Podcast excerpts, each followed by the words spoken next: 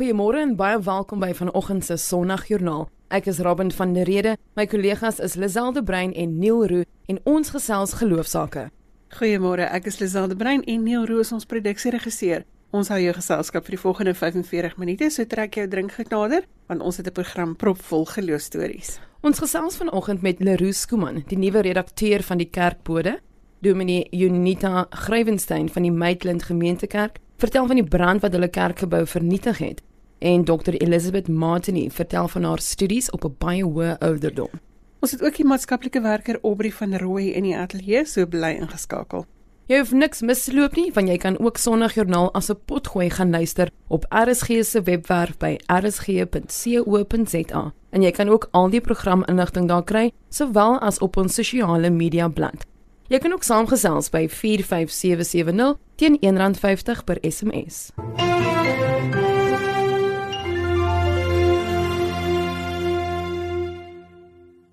Dr Elizabeth Marchini was op die ouderdom van 71 die oudste leerling in haar klas verlede jaar by die Universiteit van KwaZulu-Natal. Ons gesels met haar vanoggend oor die tema van haar studies en omdat Dr Marchini nie Afrikaans magtig is nie, doen ons die onderhoud in Engels. Good morning Dr Marchini. Good morning. Your doctorate at 71, I am in awe. Who is Dr. Martini if we were to sit around the table with a cup of coffee? Okay. Well, first of all, thank you for inviting me to share a little bit about my experiences. I'm an American woman who was born in the United States, and my work is as a psychoanalyst in the tradition of Carl Jung. Some of my background is that I was, as a child, I had polio in 1952. This was a few months before the vaccinations came out, so that shaped quite a bit of my childhood experiences in my life. Because of this uh, physical disability, I used crutches and had a brace. And then, uh, as an adolescent, uh, through surgery of an ankle fusion. Then I on- only used uh, crutches for many years. I've always been interested in a uh, spiritual journey. Our family background is uh, I was raised as a Roman Catholic and have always been interested in developing this part of my life. And particularly the images of God were very important, which we learn from our religious education and from society. And then professionally, over the years, I was first trained as a teacher and then specialized as a special education teacher and taught in the States uh, in that position.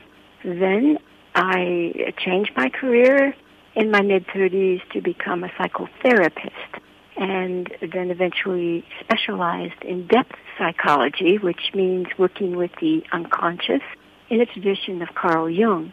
And I went to Zurich in Switzerland to study at the Sege uh, Jung Institute there. Then I met some people from Johannesburg. And to make a long story short, I have a private practice here in Johannesburg. I continue to work on my uh, spiritual development. So here I am in my 70s. I've now had a birthday, so I'm now 72.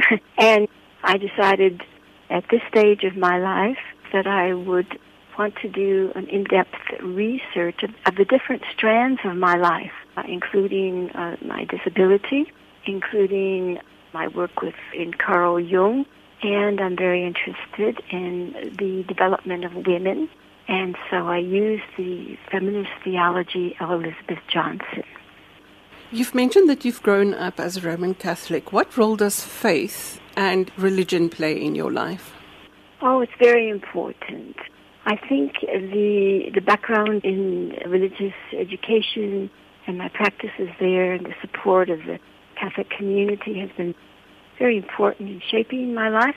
But as uh, we grow older and more mature, and we start thinking about the what we're taught and the theology, then I have gone through periods of questioning, and so I would say that what I have believed now in terms of my uh, faith beliefs, I would like to say that they're much more mature than when I was a child.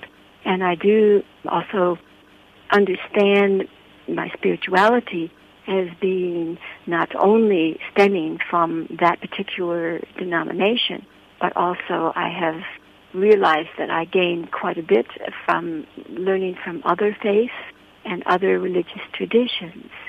Part of this, as I mentioned, are images of God. And so that's one thing I wanted to explore in my research because I did find in my research that women and, and men who are disabled are learning from religious traditions that disability has is seen more in a negative way and that shapes then an image perhaps of God who is a punishing God or that there's something that a person has done to deserve disability. So I think that was an important thing I wanted to expose. And Dr. Martini, if I should ask you for a positive word for South Africa this morning from the theme of your paper, what would that be? Well, first of all, I will give you the title of my thesis, which is In Their Voices, a study of the God images of Southern African women with a physical disability using the interdisciplinary perspectives of theology and analytical psychology. And I think one of the most important things from that title is meant to be in their voices that so often in faith communities and in society in general, the voices of people who have a disability, uh, who have some kind of impairment, whether it's uh, physical or mental, emotional, or psychological, do not have a voice. And so it's my research was to allow this particular uh, group of people, uh, women with a physical disability, to express their voices and their experiences around their experiences of disability as well as their experiences of images of God. And so I would say that religious images play a very crucial role in forming attitudes and behaviors about disability in society and particularly faith communities. And this affects women with a disability having religious beliefs. I would also say that definitely what is needed is uh, more education in terms of um, educating people in general about people with many and diverse characteristics. Disability is only one feature, and from the disability, people can learn from people who have had adversity perhaps in their life and that we have we have important contributions to make to society. Dr. Martini, thanks for sharing your experiences with us and uh, thank you for being the voice for the disabled woman. It's a pleasure and thank you so much for calling. Ons het gesels met Dr Elizabeth Martini. AJ van Rooi Brand is van die Morawiese Kerk se provinsiale bestuur. Hy is verantwoordelik vir die maatskaplike ontwikkeling en ons gesels vanoggend oor die brand wat die gemeenskap van Woopertal hmm. lam gelê het. Goeiemôre AJ. Goeiemôre Lisel en aan die luisteraars. AJ, waar is Woopertal en wat het gebeur met die Woopertal brand? Lisel, baie dankie. OK, so Woopertal is geleë so 76 75 km vanaf Klein Willem. En Woopertal is een van baie Morawiese sendingstasies in die Weskaap en Ooskaap veral waar ons gevestig is. So met die Wuppertal brand wat gebeur het op die 30ste Desember. 'n Baie baie kan ek sê tragiese 'n voorval vir ons as gemeente en vir die inwoners wat daar bly. En die brand het ontstaan vermoedelik deur van die jonger kinders wat vuur gemaak het terwyl hulle heuning uitgehaal het. En kyk ons haal heuning uit en mense gebruik vuur om die bye weg te hou. So dit is die vermoede En dan het dit maar nou natuurlik, you know, is droog en unfortunately op die dag was daar ook wind gewees en die bome het aan die vlam geslaan. En natuurlik is ons Wuppertamus maar nou bekend vir sy riedakhuise en dit het toe die palmbome wat lank is het aan die brand geslaan en toe dit toe op die grasdakke in die dakke van die geboue dan die vuur veroorsaak. As jy daar was groot skade, hoe herstel 'n gemeenskap na so 'n ramp? Jongens al, groot skade natuurlik en as mens van groot skade praat, dan is dit nou nie net die fisiese skade aan die geboue nie, maar dan ook die emosionele en geestelike skade vir die mense van Wuppertal. En ek sê nie net vir die mense van Wuppertal nie, maar ook kyk baie van ons Wuppertalers bly ook reg oor die wêreld. Vir ons ook buite Wuppertal emosioneel en sielkundig. So hoe stel 'n mens is 'n goeie vraag en as ons begin by die geestelike en emosionele kant, dink ek die herstel is grootliks En gelukkig ons as Morawiërs of Wuppertalers, ons ken van mekaar bystaan. En nommer 1 om te erken die skade. En ons weet as tragiese ongelukke soos natuurrampe voorkom, dan gaan ons in skok en ons gaan daarvan af gaan ons miskien in denial van wat gebeur het, maar ek dink die sielkundige hulp en ondersteuning en om net die selferkenning van jy is 'n victim van hierdie disaster. Ek dink die sielkundige herstel begin daar. En dan kan ons van 'n maatskaplike uh, ontwikkelingsoogpunt saam met ons staatsdepartemente kan 'n mens maar net support en dan die terapeutiese en die beradingskant nie vernalaat nie. Ek wil nou juist vir jou vra Watter rol speel die kerk nou in hierdie gemeenskap? Jy praat van ons as Woopertallers, jy ja. bly in die Kaap. Ja. Ons as Woopertallers, watter rol het die kerk in hierdie gemeenskap gespeel en speel hy nog steeds? Ja, 'n baie baie groot ondersteuningsrol. En ek weet as ons praat van die kerk, dan praat ons van die die kerk plaaslik, maar dan ook verwys ons na die kerk na die provinsiale bestuur of die hoofkantoor kan ons natuurlik sê. Vanaf die dag af weet ek dat ons se provinsiale bestuur, lede van ons se provinsiale bestuur soos die president, die visiepresident en so, het afgegaan onmiddellik. En die support aan die gemeenskap was van dag 1 af daarso. En dan natuurlik wat dit inkom by finansiële ondersteuning, het ons natuurlik begin donasies inkry en dan my verantwoordelikheid in terme van fisiese ondersteuning, donasies, klere, kos, dit was van dag 1 af en ook dankie sê aan Suid-Afrika in geheel wat so goed en positief gerespond het. En dan gaan ons natuurlik praat van die langtermyn. So die kerk het die ondersteuningsrol as die eienaar natuurlik van Wuppertal grond. En die plaaslike kerk soos ons sê onder die leiding van die leraar en kerkraad en opsieningsraad. Hulle het natuurlik die plaaslike ondersteuningsrol wat die provinsiale bestuur of die hoofkerk natuurlik moet steun in dit. So die hoofkerk of die provinsiale bestuur, hulle is gefokus op ondersteuning en dis hoekom hulle dan ook verskillende strategieë het in negotiations en onderhandeling met staatsdepartemente, met mense soos erfenis en dan ook my aanstelling as die maatskaplike ontwikkeling en donasiebestuur om dan gefokus te bly op hierdie verskillende areas waar hulp moet kom vir ons gemeenskap. So ek wil sê in kort is dat mense kan soms miskien onderskat wat die kerk doen, maar vanaf dag 1 af het hulle in verskillende fasette van hierdie ramp ondersteun en nog steeds. As jy en ek aanvaar daar moet emosionele ondersteuning wees want ja. daar staan jy en daar's niks van jou goed hoor nie. Dis reg. Emosionele ondersteuning en ek sê ons gemeenskap wil ek sê ek haal my hoed af vir hulle. Want vanaf dag 1 af het die gemeente en die gemeentelede of die wippertellers mekaar ondersteun en dis hoekom hulle ook by mekaar of die geaffekteerdes, die 53 huise wat geaffekteer is. Hulle bly nou by familie en vriende. Soos ons praat van ondersteuning het dit daar reeds begin. En emosionele ondersteuning kan ek sê dat die maatskaplike ontwikkeling in Cederberg area en dan ook departement onderwys, Padisa en mense so aan 'n kerke. Ek weet uh, Dominee Greiling van die NG Kerk in Klein Willem. Soos almal bied ondersteuning aan. En op dit uh, kan ek ook sê dat ons het nou 'n uh, terapeutiese werkswinkels wat gaan gebeur hier van einde Februarie af in samewerking met die mense wat ek nou genoem het. So die emosionele ondersteuning is definitief daarso.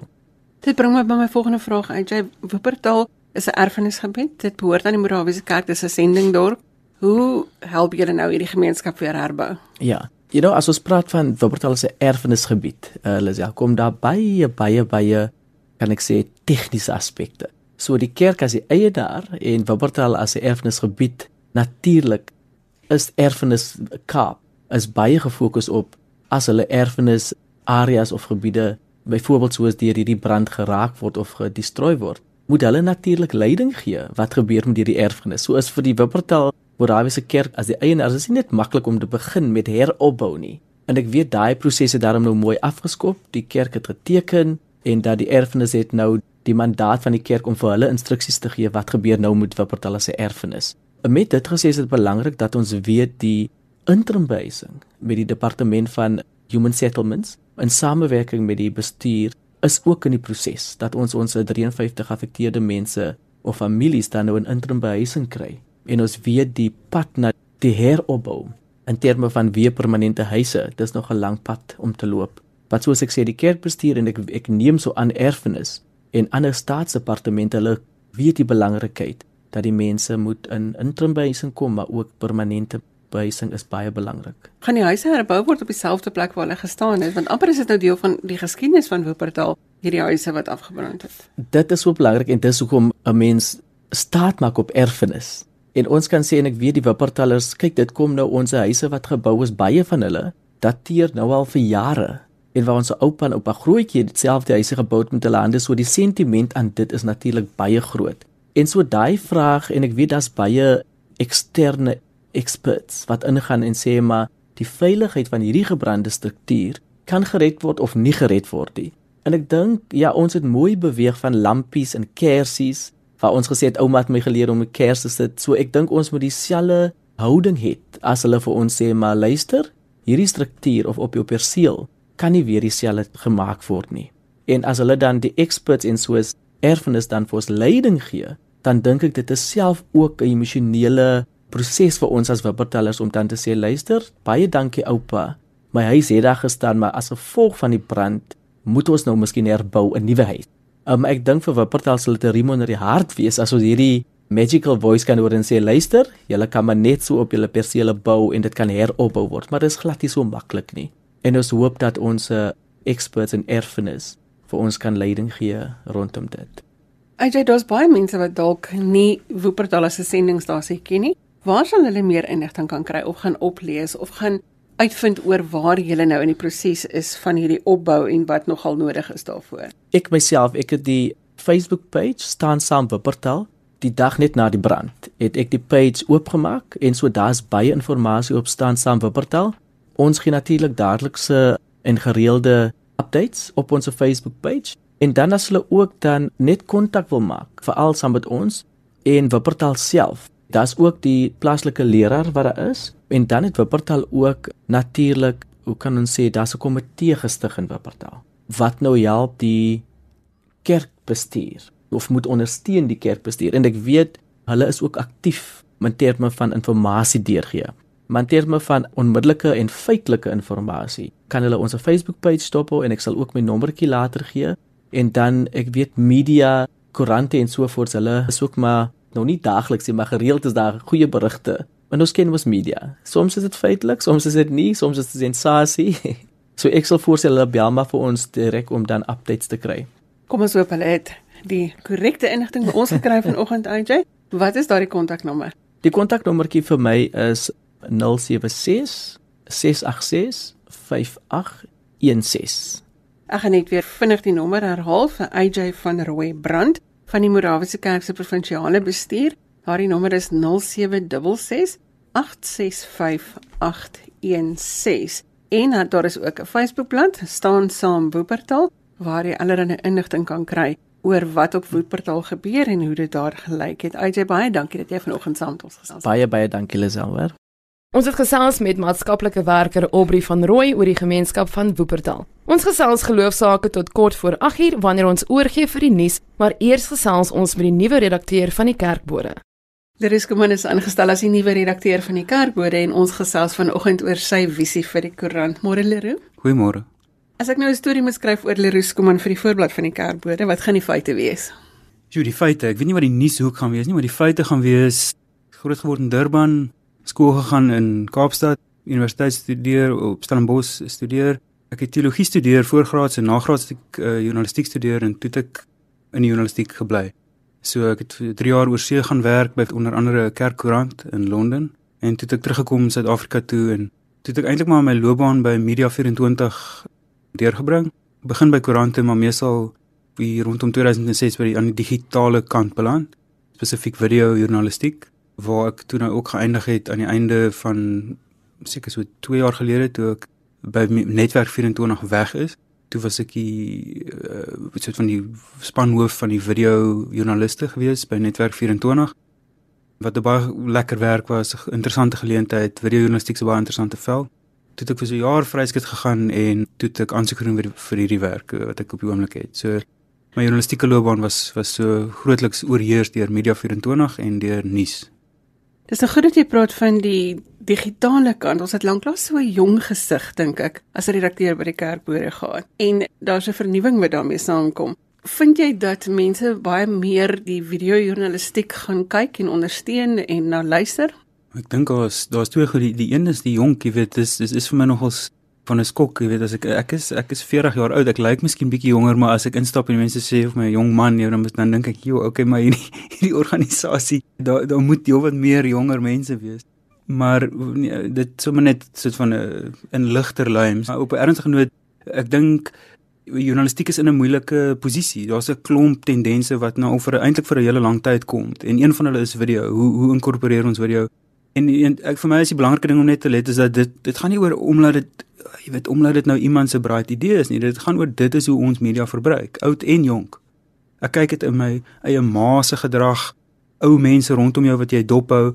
Jy weet hulle is net so vatbaar vir video. Hulle hou net soveel van 'n video wat hulle op WhatsApp vir mekaar rondstuur. So ons maak soms 'n fout om hierdie goed met 'n soort van 'n ageist bril na te kyk, dat jy sit en sê hierdie is jonk mense se speletjies, hierdie is ou mense se speletjies. Dit is hoe die media gebruik word deesdae. So die video alle sosiale media platforms is ook video platforms. Dit sal jy nou altyd hoor by die strategie deesdae.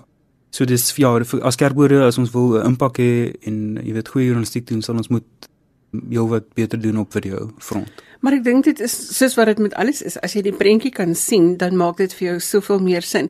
Jou eerste storie wat ons nou nou gaan opvolg, was oor die kerk wat afgebrand het by my klein. Vertel ons 'n bietjie daarvan. Ja, dis een van daai stories wat is 'n kerkgebou enerzijds wat afgebrand het, so daar's letterlik die skade van van dit en die die optics, soos hulle sê, die, net die hoe dit lyk, is minder mense kerk in puin sien. Dis nogal 'n gesig, is nogal jy weet, dis 'n treffende gesig. Maar dan is daar natuurlik die gemeente, jy weet waar daar stap tussen die as en tussen die uh, letterlik die kansel wat heeltemal vernietig is, die die klavier wat jy nog die, die stukke van kan sien. So dis daai twee goed gelyk en video is 'n baie kragtige manier om in enige storie basies dit sit die leser op die toneel. So as verslaggewer hoef jy minder te doen eintlik want jy sorg dat jy die regte mense voor die kamera neersit en net hopelik vir hulle 'n sinvolle vraag of twee vra en dan vertel die storie homself maar ja, dit vervang nie die die nut ook net van om 'n storie te skryf daaroor nie. So die benadering is is is nie een van of of nie, jy weet dit is dis en so ons praat maar net van multimedia journalistiek, woorde en video. Jy het teologie geswat en jy is nou nie vreemd vir kerkkoerant nie, soos wat ons nou gehoor het. Watter rol speel geloof in die kerk in jou lewe? Ja, ek ek het teologie studeer, ek het eintlik in toe ek in Londen gewerk het, ek het by 'n Anglikaanse kerkkoerant beland. Ek wou amper sê die meer belangrike ding daar was die, koerant as die kerk. Anglikaanse kerk was vir my nogal 'n vreemde animal, jy weet ek het baie van dit goed nie geken nie, was nie regtig vertrou daarmee nie. Ek dink ek was veel in in een self voor ek daar begin werk het nie. Maar ek meen dit is maar net tersyde, ek geloof in my lewe jy weet ek ek sou sê ek het baie gegroei in die tyd wat definitief sê dat ek weg is by die kweekskool ek sou nie sê ek het 'n ongenuanceerde lewe gehad nie om te kom tot by die punt waar ek vandag is nie. Ek het 'n storie daarmee. Ek is seker dis nou die tyd of die plek vir daai storie nie, maar ek dink die, die die rol van geloof soos ek dit vandag sien hier waar ek nou is in my lewe is jy weet ek ek dink aan daai een kerklied wat van praat ek mense Engels taal en sê dit dit, dit ek dink dit sê dit rig jou basies, jy weet dit rig jou en dit troos jou. En ek dink dit is die rol van van godsdienst, jy weet dis die rol van geloof. En ek het soos van teruggekom by daai punt in my lewe. Hoe gaan jy hierdie publikasie vorentoe neem? Waarna kan ons uitsien? Kyk, die, die ek dink die eerste ding en ek sê dit nie net omdat dit die regte ding is om te sê nie, maar ek dink so iets is 'n span poging. Ons is 'n klein spannetjie by Kerkbode, Bible Media as die uitgewer. En ons het groot uitdagings, maar ons het heelwat ondersteuning van lesers en mense wat bereid is om daai pad saam met ons te stap as ek dit sou kan stel. So die belangrike ding is om te sorg dis maar in in in journalistiek ook né ek as ek dit in Engels kan sê is to do those who know care and do those who care know nou wat bedoel ek daarmee dis net om te sê dat die mense wat omgee oor die hou van kerkbode weet hulle eh, wat ons situasie is en die mense wat weet wat die situasie is gee hulle om okay so ons drukoplaag is onder druk. Meeste drukoplaag dink ek is veilig om te sê is onder druk omdat die die shifts in die samelewing weg is van papier tot 'n mate. Maar ons voel ons kan 'n groter druk voetspoor hê so ons voel ons moet ons gedrukte sirkulasie drasties opstoot. En die manier hoe ons dit wil doen is om gemeentes by gemeentes uit te kom en spesifiek by die besluitnemers binne in gemeentes. Sodat ons voel as jy instap in 'n kerk en die kerk glo in die konsep van media, 'n onafhanklike nuusbron wat vir jou vertel wat gaan aan, wat kyk na goed wat die kerk sê is belangrik, naamlik stories van missionaliteit en die klas van goed. As hulle in beginsel die goed ondersteun en ons en ons vertrou, dan moet hulle inteken op. Dis die versoek, jy weet, en dit versprei onder die mense wat nie in die digitale wêreld leef nie, wat nog steeds 'n groot klomp mense is, veral binne in die NG Kerk. Maar dan het ons 'n baie belangrike deel en dis miskien waar die enigste regtig tekens is van pyltjies wat opgaan as ek nou kan praat van in in PowerPoint en die tipe goed wat kyk na statistieke, né? So die pyltjies gaan af as dit gaan oor druk oplaag. Maar waar die pyltjies opgaan is in die digitale sfeer. So Kerkbode as handelsmerk het 'n webwerf wat is www.kerkbode.co.za. Dis 'n webwerf soos enige ander nuus bladsy webwerf. En daar kry ons omtrent 100 000 unieke gebruikers in 'n jaar. Dis goeie groei. Die ding groei nou is maar gestig in 2016, regtig. En en daar's goeie werk gedoen deur my voorgangers en ons wil daarop uitbou. So ons wil ons aanlyn teenwoordigheid sterker maak en meer interaktief maak sodat mense ingesluit voel in daai ruimte. Jy het nou gepraat van die webwerf, dis kerkwoorde.co.za. Het julle dieselfde tipe van storie op die webwerf as wat in die koerant sou wees? Ek dink ons probeer net soort van getrou aan die medium wees. In op die internet, soos jy vroeër genoem het, mense wil luister na goeie, hulle wil goed sien beweeg. Jy weet, en ons moet speel na die sterkpunte van die medium. So ons probeer dit verryk so ver as wat ons kan met met video en klank en so voort.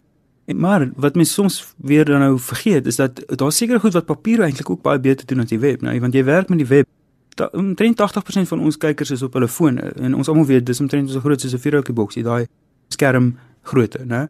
So daar's 'n beperkte hoeveelheid impak, visuele impak wat jy daarmee kan doen. Foto's, eenvoudige ding van om foto's treffend te gebruik. Ons het pragtige foto's wat Herman verwy geneem het eh, op vir 'n onlangse storie, jy weet 'n treffende tipe emosionele storie en daai goed kan jy groot eh, gebruik in in gedrukte formaat. So dis een ding. 'n Ander belangrike ding wat ons probeer doen is ons probeer by die met die koerant ook nuttig wees. So daar's altyd 'n klem vir 'n koerant om nuut te wees op die nuusware uiteraard. Maar hoe is jy nuttig, jy weet? En die vraag dan nou verder is hoe is jy nuttig in papier? Ons het 'n pro probeer slag gehad daarmee met 'n uh, wat hulle praat van 'n inkleer meditasie, een van hierdie goed wat ook volwassenes, dit klink nou of kinderagtig, maar dit is eintlik iets wat almal kan doen. Jy kleer dit in en jy, jy oordink. Okay, so dis 'n hele spirituele ding om 'n bladsy daaraan te gee. Mense kan dit uitskeer en dit by die huis gaan doen en dis 'n Christelike tema wat daarop is. Dis gedoen deur Nico Simpson van van Bible Media, jy weet wat ek in eie reg eintlik 'n kunstenaar is. So dis 'n manier hoe ons dink ons kan na die sterkpunte van die medium speel. Ek self is baie nuuskierig oor die idee van 'n blokkeraaisel, goed wat papier eie is, jy weet, hoe bring ons dit terug sodat die waardeproposisie van al twee by mense tuis kom. Dat ons probeer nie sê nou dat ek in gedrukte papier lees, hou ek op om die web te lees. Ons probeer nou die totale tendens eiehandig omdraai nie. Jy weet dis nie wat ons probeer doen nie. Ons probeer net sê daar is miskien 'n ruimte vir al twee uh, parallel tot mekaar te bestaan. En dit bly vir my 'n platform waarop gemeentes interessanthede kan deel. Gemeentes vergeet dit dat daar eintlik so baie stories binne daai gemeenskappe is wat 'n koerant sou kon gebruik. Ja, en ek dink ons het miskien ook jy weet, moet vir ons eie deur ook vee daar is hoe hoe maak ons dit so maklik as moontlik? Hoe kommunikeer ons so duidelik as moontlik wat ag ons as nuus? Want daar is verwarring oor dit. Jy weet, iets wat vir jou natuurlik ongelooflike sterk nuus op is op die oomblik in waar in die dorp waar jy is is is nie noodwendig veral in die konteks van beperkte ruimte is nie noodwendig 'n groot nuus storie breër is dit nie. Maar daarmee wil ons glad nie die deur toemaak vir juist daai tipe goed nie. So ons het op bladsy 5 van die gedrukte koerant en onder die nuusbalkie in die digitale koerant het ons 'n streek afdeling gemaak en my kollega aangestel om daarna te kyk. So haar e-posadres is daar Conet Leroux eh, en en sy is soort van die die redakteur basies van die streekblad en die idee is daar om as ek dit sou kan stel die best of plaaslike nuus te kry. Jy weet wat gaan aan op Ploxton, Kuruman, Berea en Durban. Wat wat is die goed wat wat hulle dink is nuus, jy weet. En dit gaan 'n rukkie vat, maar die uitnodiging is daar. Leroe baie dankie dat jy vanoggend by ons kom inleer het en dat jy 'n stukkie van jou lewe met ons kom deel het. En ons hoop sommer baie mense gaan besluit om die papiergedrukte weergawe van die kerkwoorde te lees, aldan nie ook die webwerf gedeelte nie. Baie dankie vir die saamgesels. Baie dankie. Ons het gesels met die redakteur van die Kerkbode, 'n koerant en 'n webwerf met geloofstories van reg oor die land. Gaan lees van hierdie stories by kerkbode.co.za. Soos hulle al gesê het, was die Maitland brand een van Leroux se eerste stories vir die koerant en ons vind uit waar die storie nou sy voete vind. Dominee Johanita Grywenstein is van die Maitland Gemeenskapskerk waar 'n gemeente een oggend opgedaag het om net gebrande mure aan te tref. Ons gesels vanoggend met haar hieroor. Goeiemôre Johanita. Goeiemôre Lisel en goeiemôre luisteraars. Wat het gebeur met julle gemeentekerk? Ja, Lisel, dit is 'n tragiese storie wat jy nooit dink met jou sal gebeur nie, maar op die aand van 29 Desember het ek 'n oproep ontvang van ons bure daar by die kerkperseel om te sê dat die kerk aan die brand is. Ek kon dit skaars glo, maar toe was dit inderdaad so. Ek was ongelukkig nie in die Kaap nie en moes toe dinge nou maar oor my foon gereël het. Ongelukkig toe mense agterkom die kerk brand, toe is die vlamme al by die dak uit. En ons het dadelik die brandweer op die perseel gekry, maar ongelukkig het net die buitemure staande gebly. Die res die dak, al die mooi binnehoudwerk is alles vernietig. Wat my toe nou opval en wat ek toe nou oral op sosiale media sien en soos wat ek met ander mense praat is julle begin toe kerk hou op die sypaadjie. Hoe het dit gebeur? Ja, die volgende dag was wel 'n Sondag geweest en die mense het opgedaag vir kerk en toe het ons daar begin om eenvoudig maar net saam te lees, saam die Bybel te lees, saam te sing en mekaar moet in te praat. En dit het ontwikkel in eintlik 'n wonderlike belewenis want die volgende 4 Sondae het ons ook kerk gehou daarso op die perseel voor die gebou en mense het gekom om ons te kom bemoedig van ander gemeenskappe van ander kerke af in die Maitland omgewing en ons was 'n groot hoeveelheid mense saam wat saam kon sing, saam kom bid, saam kom stories vertel oor wat die gemeente vir ons beteken en ook saam net saam kon eet ook. So dit was eintlik 'n besonderse geleentheid van gemeenskap ervaar en iets van ja dat die kerk regtig meer is as 'n gebou. Dit is nogal 'n mooi storie dat mense van ander gemeentes reg oor die Skiereiland wil ek amper sê opgedaag het om julle te kom bemoedig. Ja, ons is diep dankbaar en oorweldig regtig hierdie reaksie van mense wat kan verstaan wat 'n impak dit het om die kerk waarin jy jou lewe lank deel van was te verloor en in die onsekerheid te sit van wat is nou die pad vorentoe. Wat gebeur met jou geloof as jy hiermee gekonfronteer word, Johanita? Kom ons begin eers by jou en dan kan ons dalk 'n bietjie gesels oor jou gemeente. Sjoe, uh, Lisa. ja, uh, aanvanklik het ek gevoel nee, nou is dit klaar met my. Ek moet nou maar my goedjies oppak. Ja, aanvanklik weet mens nie wat om te dink nie en is mens oorweldig deur dit alles. Ek is maar 'n jong predikant en net nie idee om in so 'n krisissituasie op te tree nie. Maar ek het teruggegaan na my gemeente toe, na die mense wat ek liefhet en wou hulle graag troos en bemoedig en toe het ek gevind dat ek eintlik bemoedig word deur die samesyn wat daar is, deur die moed wat mense het, deur hulle vasberadenheid en om te weet dat hulle graag wil voortgaan. Ek is so oorweldig dat op nuwejaarsaand die gemeentelede self bymekaar gekom het, die gemeenskap geloop het en mense bymekaar gemaak het en self 'n diens gehou het op die perseel, hulle alleen met 'n lampie in hand. En dit het net vir my weer bevestig dat wat hier is nie net deur 'n kerkgebou in stand gehou is nie, maar dit is die gemeenskap hier is wat jare lank al vir mekaar sorg. Johanita en jou gemeentelede, hoe moes jy hulle bemoedig? Sjoe, ek loop aan met hulle die pad saam. Sommige mense is alweer opgewonde oor die pad vorentoe dat ons gaan herbou en daar nuwe geleenthede is. Ander is dit baie moeilik om nog die verlies in die gesig te staar en dit te hanteer. Ons lees maar die woord saam. Daar hoor ons volk van Israel wat hulle tempel wat hulle beloofde land verloor het en met 'n groot klomp stroping weer moes vra maar waar is God en waar wil God ons hê? So ons gebruik ook hierdie geleentheid om saam te besin waar die Here ons wil hê en ons bevind al klaar dat ons oor ons grense gedwing word maar ook oor ons grense uitgenooi word om saam te sorg met ander om te netwerk in ons gemeenskap en werklik ons lese wat is om ons hande en harte oop te maak vir alle mense net dieper en verder uit te leef. So uiteindelik glo ons gaan hier 'n wonderlike nuwe verhaal kan opstaan van hierdie gemeente. Jy het nou so mooi gesê dat die kerk vir julle meer is as net 'n gebou met vier mure. Wat is nou die pad vorentoe? Ja, so ons hou steeds kerk op die oomblik waar daar opgeruim op die perseel, so ons kan nie meer daar op op die sypaadjie kerk hou nie. So ons hou saam met die VGK gemeente wat eintlik maar ons susterkerk is, hou ons kerk op Sondag en ook met ander gemeentes werk ons saam om dan vorentoe kerk te hou voort te gaan met ons aktiwiteite. Ons gaan natuurlik herbou en ons is opgewonde oor die geleentheid om iets van die ou te behou maar ook 'n nuwe hoofstuk te begin sodat ons gebou werklik as 'n gemeenskapsentrum kan dien waar die gemeenskap dit beter kan benut en ons ook 'n groter diens aan die gemeenskap kan verleen. So dit is 'n nuwe hoofstuk. Dit is 'n pynlike oorgang na 'n nuwe hoofstuk, maar dit is 'n nuwe hoofstuk vir ons en ons loop hierdie pad saam. Dis amper soos 'n nuwe gemeente te stig. Waar begin 'n mens?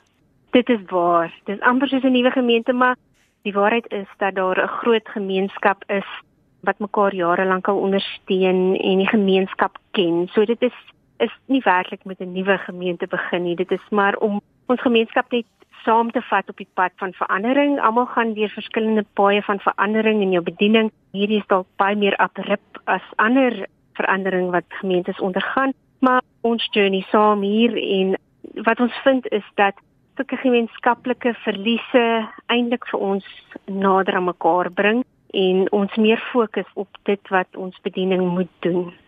Ek dink jy het dit nou min of meer saamgevat, Juanita, maar ek sal wil vra, wat is die ding wat 'n mens hieruit leer? Wat is die ding wat jy saamvat vorentoe en wat jy met ander mense kan deel om te bemoedig? Ja, ek het verskriklik baie uit hierdie gebeure geleer. Een van die diepste geloofsgewaarwordings is werklik dat God homself openbaar op die duidelikste maniere in ons swakheid. Ons wil nie altyd ons swakheid in die gesig staar nie, maar God kom ontmoet ons daar en kom vernuwe ons daar. En dan het ek gevind dat werklik uh, ons glo vas aan geboue, aan finansies, aan geld en soveel ander dinge wat ons dink ons voortbestaan bepaal, maar hier het ek net bevind dat dit wat werklik kerk maak is ons mense, is ons verhoudings wat ons mekaar het en is ons ingesteldheid om van diens te wees vir ons gemeenskap. En dit kan jy nie afbreek nie. Al is jou gebou aan flarde, al is jy onseker van jou finansiële toekoms, solank daardie gemeenskap daar is, sal ons die liggaam van Christus wees. Johanita baie sterkte met die pad wat vir julle voorlê en baie dankie dat jy julle storie vanoggend met ons gedeel het. Dis 'n groot plesier, Lisel. Dominee Unita Grywenstein was in gesprek met Lisel. Unita se e-pos is joagrywenstein@gmail.com. Dis J U A G R E Y V E N S T E I N by gmail.com. Indien jy dalk met hulle in aanraking wil kom. Die tyd vlieg so vinnig verby. Ons is alweer aan die einde van ons program. Ons gaste vanoggend was Leroux Skuman, die redakteur van die Kerkbode, Dominee Unita Grywenstein van die Maitland Gemeentekerk en Dr Elizabeth Martini. Van my, Robin van der Rede. Wees bedag op die mense om jou en gemaak 'n verskil. Tot volgende Sondag. Totsiens. Ek het my e-pos met kommentaar of as jy 'n geloostorie met ons wil deel. My e-posadres is lazel@wwmedia.co.za. Ek herhaal dit gou stadig. Dis lazel, L E Z E L E by wwmedia.co.za. Tot volgende week groet ek namens produksieregisseur Neil Roo. Ek sluit aan by Robin hier jou te herinner, ryk uit en gaan maak iemand se dag makliker. En as jy nog nie die fliek toe nie gesien het nie, doen nou maar die moeite en gaan kyk. Dit laat jou dink. Tot volgende Sondag. Totsiens.